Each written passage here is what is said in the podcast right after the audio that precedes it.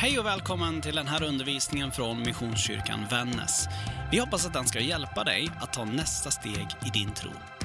Är du intresserad av mer från oss eller vill kontakta oss så hittar du allt det du behöver på www.missionskyrkanvannas.se eller på de vanligaste sociala plattformarna. Välkommen hem! Den berättelse som jag tänkte predika om idag, den finns faktiskt i alla evangelier. Där Markus, Matteus, Lukas och Johannes på ett sätt har samma kärna. Att en kvinna kommer till Jesus och han blir smord med en slags olja eller balsam eller parfym. Men där de olika evangelierna har lite olika vinklar. De har olika sätt att berätta och beskriva, olika kontext eller situation runt omkring. Tidigare när jag har predikat om de här, den här texten, då har jag valt att liksom plocka russina ur kakan och vävt ihop de här fyra till en text. Men idag så har jag bestämt mig för att utmana mig själv och bara hålla mig till en. Så idag ska jag hålla mig till det som Lukas skriver. Som att jag inte ens vet att det där andra finns. Eh, så följ med till Lukas evangeliet ifrån kapitel 7. En av fariseerna bjöd hem honom på en måltid och han gick dit och tog plats vid bordet. Nu fanns det en kvinna i staden som var en synderska.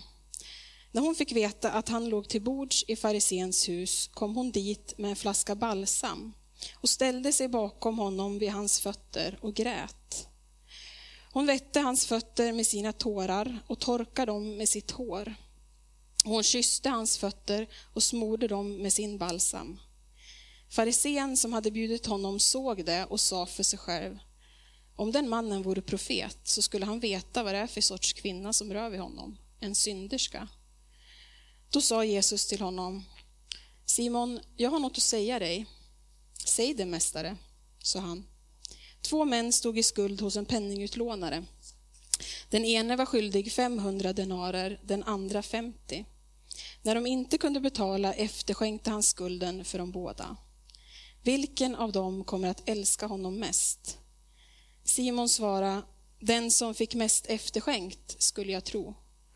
Du har rätt, sa Jesus. Och vänd mot kvinnan, sa han till Simon. Du ser den här kvinnan. Jag kom in i ditt hus och du gav mig inte vatten till mina fötter, men hon har vett mina fötter med sina tårar och torkat dem med sitt hår. Du gav mig ingen välkomstkyss, men hon har kysst mina fötter hela tiden sedan jag kom hit. Du smorde inte mitt huvud med olja, men hon har smort mina fötter med balsam. Därför säger jag dig, hon har fått förlåtelse för sina många synder, ty hon har visat stor kärlek. Den som får litet förlåtet för, visar liten kärlek. Och han sa till henne, dina synder är förlåtna. De andra vid bordet sa då för sig själva, vem är han som till och med förlåter synder? Men Jesus sa till kvinnan, din tro har hjälpt dig, gå i frid. Därefter vandrade han från stad till stad och från by till by och förkunnade budskapet om Guds rike. Med honom följde de tolv och några kvinnor som hade blivit botade från onda andar och från, och från sjukdomar. Maria, hon från Magdala, som sju demoner hade farit ut ur. Johanna, hustru till Herodes förvaltare Kusas, Susanna och många andra som hjälpte, hjälpte dem med sina tillgångar. Ni märker kanske att det händer mycket i den här texten. Det är nästan som att den berättar flera olika berättelser. Eller om det vore ett drama så skulle det kunna gå att dela upp i tre akter. Eller om det var på tv skulle det vara minst två reklampauser. Det första jag kom att tänka på i den här texten är ordet synderska. Och det irriterar mig lite grann att kvinnan är stämplad och på något vis på förhand redan dömd. Samtidigt som jag vet att det är så vi människor fungerar. Vi sätter varann i fack. Idag pratar vi kanske inte så mycket om varann i termer av att vara syndare, även om vi i allra högsta grad är det på olika sätt. Men i Bibeln är det ett vanligt ord, en vanlig benämning eller beskrivning eller stämpling av människor. Inte bara när det gäller andra människor, utan även i situationer där människor beskriver sig själv så, det, så använder man ordet syndare eller synderska. I några översättningar så står det att kvinnan är prostituerad. Och vi diskuterade det lite grann i onsdags, jag och Johan. För jag blir lite avig till att det liksom ska bli synonymt, synd och prostitution.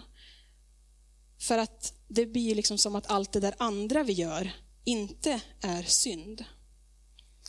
Så gick Johan tillbaks till grundtexten och hittade att det grekiska ordet som används för att beskriva kvinnan är hamartolos, som betyder syndfull. Och i Lukas 5, när Petrus och gänget har fiskat hela natten utan att få en endaste fisk, och Jesus säger till dem att de ska åka ut igen, och så upptäcker de att näten blir överfulla. Då när Petrus kommer tillbaka och skäms inför Jesus över sin svaga tro och faller på knä där inför Jesus så säger han att han är Hamartolos. Vi bär alla på synd. Men vad det är som får oss att missa målet, vad det är som rubbar vår tro, som gör att vi svajar till eller vänder oss bort från Gud, det är olika för oss. Och när det kommer till dagens text så vet vi att kvinnan betraktas som syndfull och att hon uppenbart har en lägre status än farisén Simon, den man som hade bjudit hem Jesus. I alla fall enligt Simon och hans andra gäster. Men vi vet inte varför.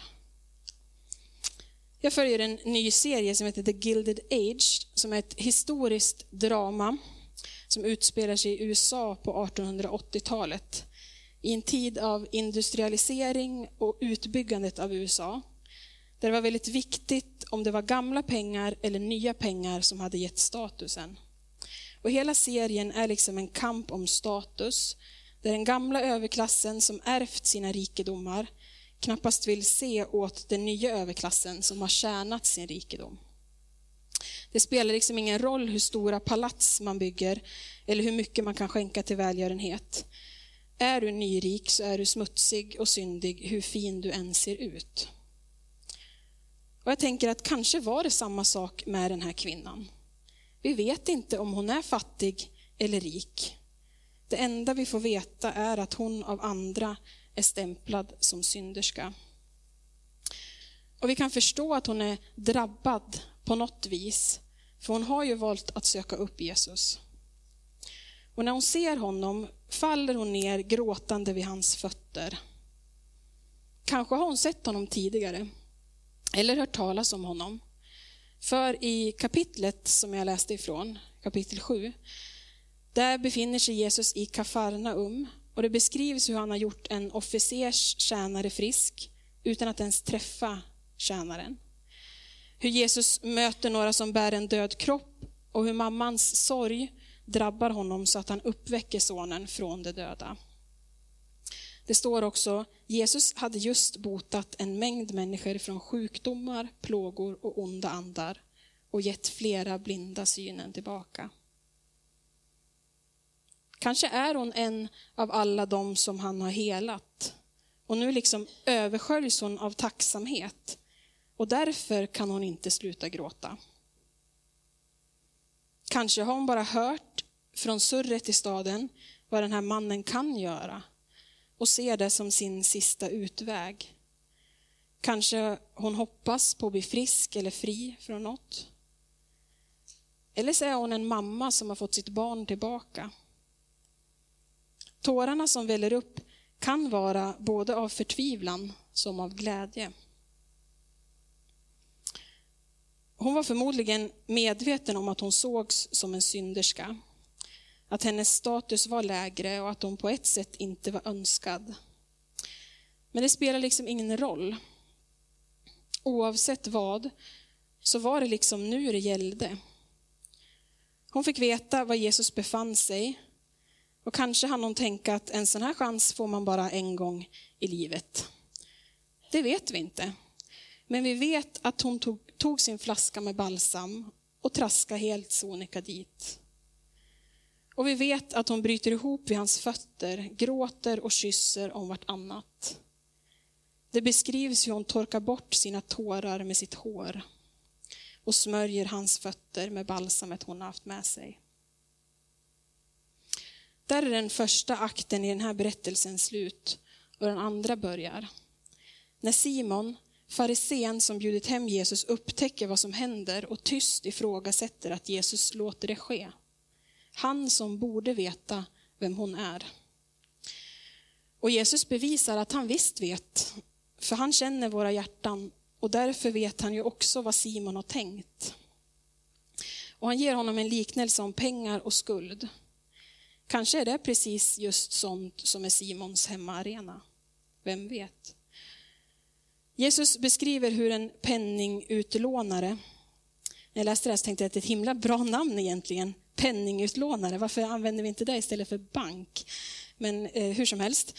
Penningutlånaren efterskänker två skulder och han frågar Simon vem som blir gladast. Den som lånat mycket eller den som lånat lite. Och inte helt otippat är svaret den som fick mest efterskänkt. Även om Simon drar lite på svaret och lägger till ett skulle jag tro.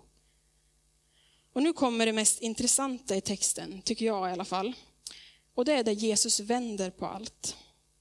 På ett sånt där typiskt Jesusvis. För Simon, där han stod i sitt hem med sina skygglappar, såg bara hur den syndiga kvinnan kommit in i hans hus och agerat olämpligt. Och att Jesus kanske agerat om möjligt ännu värre när han låtit det ske.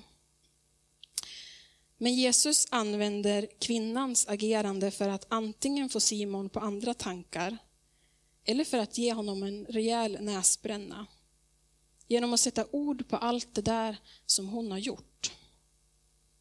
När hon med sina tårar tvättat hans fötter och torkat med sitt hår, hur hon kysst hans fötter och smort dem med balsam. Medan Simon, som var den som hade bjudit hem Jesus, varken hade gett honom vatten till att tvätta av sina dammiga fötter. Han hade inte heller gett honom någon välkomstkyss eller smörjt hans huvud med olja. Och sen kommer ett helande, eller kanske snarare ett upprättande av kvinnan. Hon som kallades synderska. Där Jesus ger henne förlåtelse för sina synder och blir ifrågasatt av övriga middagsgäster. Sen i den tredje och sista akten kommer en beskrivning av Jesus verksamhet, men kanske främst om hans lärjungar. Vi får veta att det inte bara handlar om de där torv som det annars pratas om, utan att det finns fler runt Jesus som följer honom. Och här är det tre kvinnor som presenteras med namn. Kvinnor som Jesus har helat och upprättat. Maria, Johanna, Susanna och många fler, står det. Kvinnor som är med och bidrar. Man kan ju undra varför det dyker upp här. Men det är ju lite så det är hela tiden i evangelierna. Att extraordinära händelser och vardagsskildringar finns nedtecknade bredvid varann. Lika viktiga, men på olika sätt. The Message beskriver Lukas som en ivrig förkämpe för alla som befinner sig i utanförskap. Att han visar hur Jesus låter människor som normalt hålls utanför etablissemanget, kvinnor, vanliga arbetare, etniskt avvikande och fattiga får vara med. Att det Lukas beskriver inte är någon exklusiv klubb, utan snarare en historia om alla vi som har stått utanför och tittat på utan hopp om att få komma in, plötsligt ser hur dörrarna slås upp på vid gavel.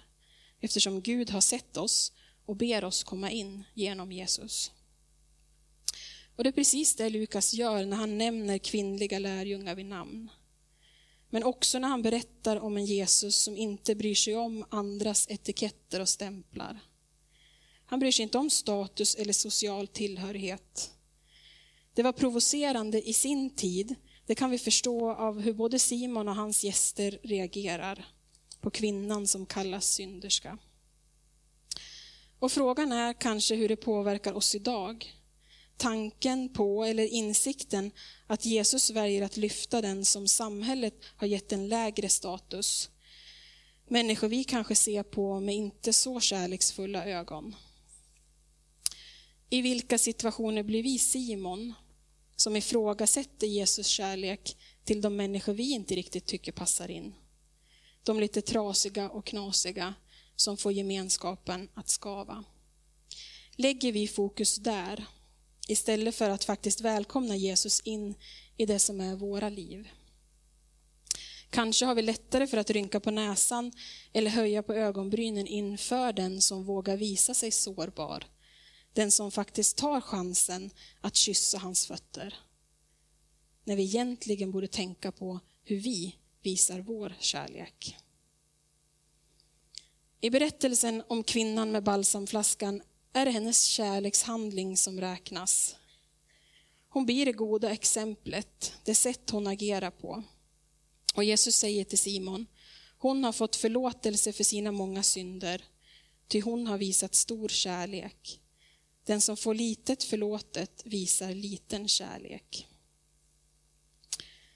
Är det våra kärlekshandlingar som ger oss förlåtelse? Ja, kanske. Men framför allt tror jag att det är en kärlekshandling när vi ber om förlåtelse. När vi får och tar emot den. När vi vågar närma oss Jesus trots att vi är syndfulla. När vi inte bryr oss om vad andra tänker, världslig status eller etiketter, utan vågar komma till honom, falla ner vid hans fötter. Vi pratar lite om fötter på bibelsamtalet i torsdags. Hur konstigt det är i vår kultur och i vår tid att närma sig någon annans fötter. Vi skäms nästan om någon skulle be oss dra av den ena strumpan. Det är nästan för intimt. Men Jesus har inga problem med det. Han låter henne komma nära. Han har inga problem med att hennes tårar rinner mellan tårna eller att hon kysser hans fötter. Vi får stanna upp vid hans fötter. Hans smutsiga, trötta, heliga, vackra fötter med allt det som är våra liv. Med det som är smutsigt, trött, heligt och vackert i oss. Både det som är våra sprickor och vår trasighet och allt det som är blänkande och gnistrande i oss med alla våra skönhetsfläckar. Jesus vill ha oss så nära att vi ska våga visa oss sårbara. Visa vår tacksamhet, bekänna vår synd be om förlåt, ta emot förlåtelsen, bara vara i hans närhet. Hej, det här är pastor Johan. Så roligt att du lyssnat på den här podden ifrån oss. Jag hoppas att den har fått betyda något för dig och min bön det är att det du fått lyssna till, att det faktiskt har gett dig praktiska verktyg för ditt liv framåt. Vill du veta mer om oss så spana gärna in vår hemsida. Där finns också fler poddar och undervisning. Har du lyssnat genom Spotify eller till exempel en poddapp så får du mer än gärna prenumerera på vår kanal. Gud välsigne din vecka.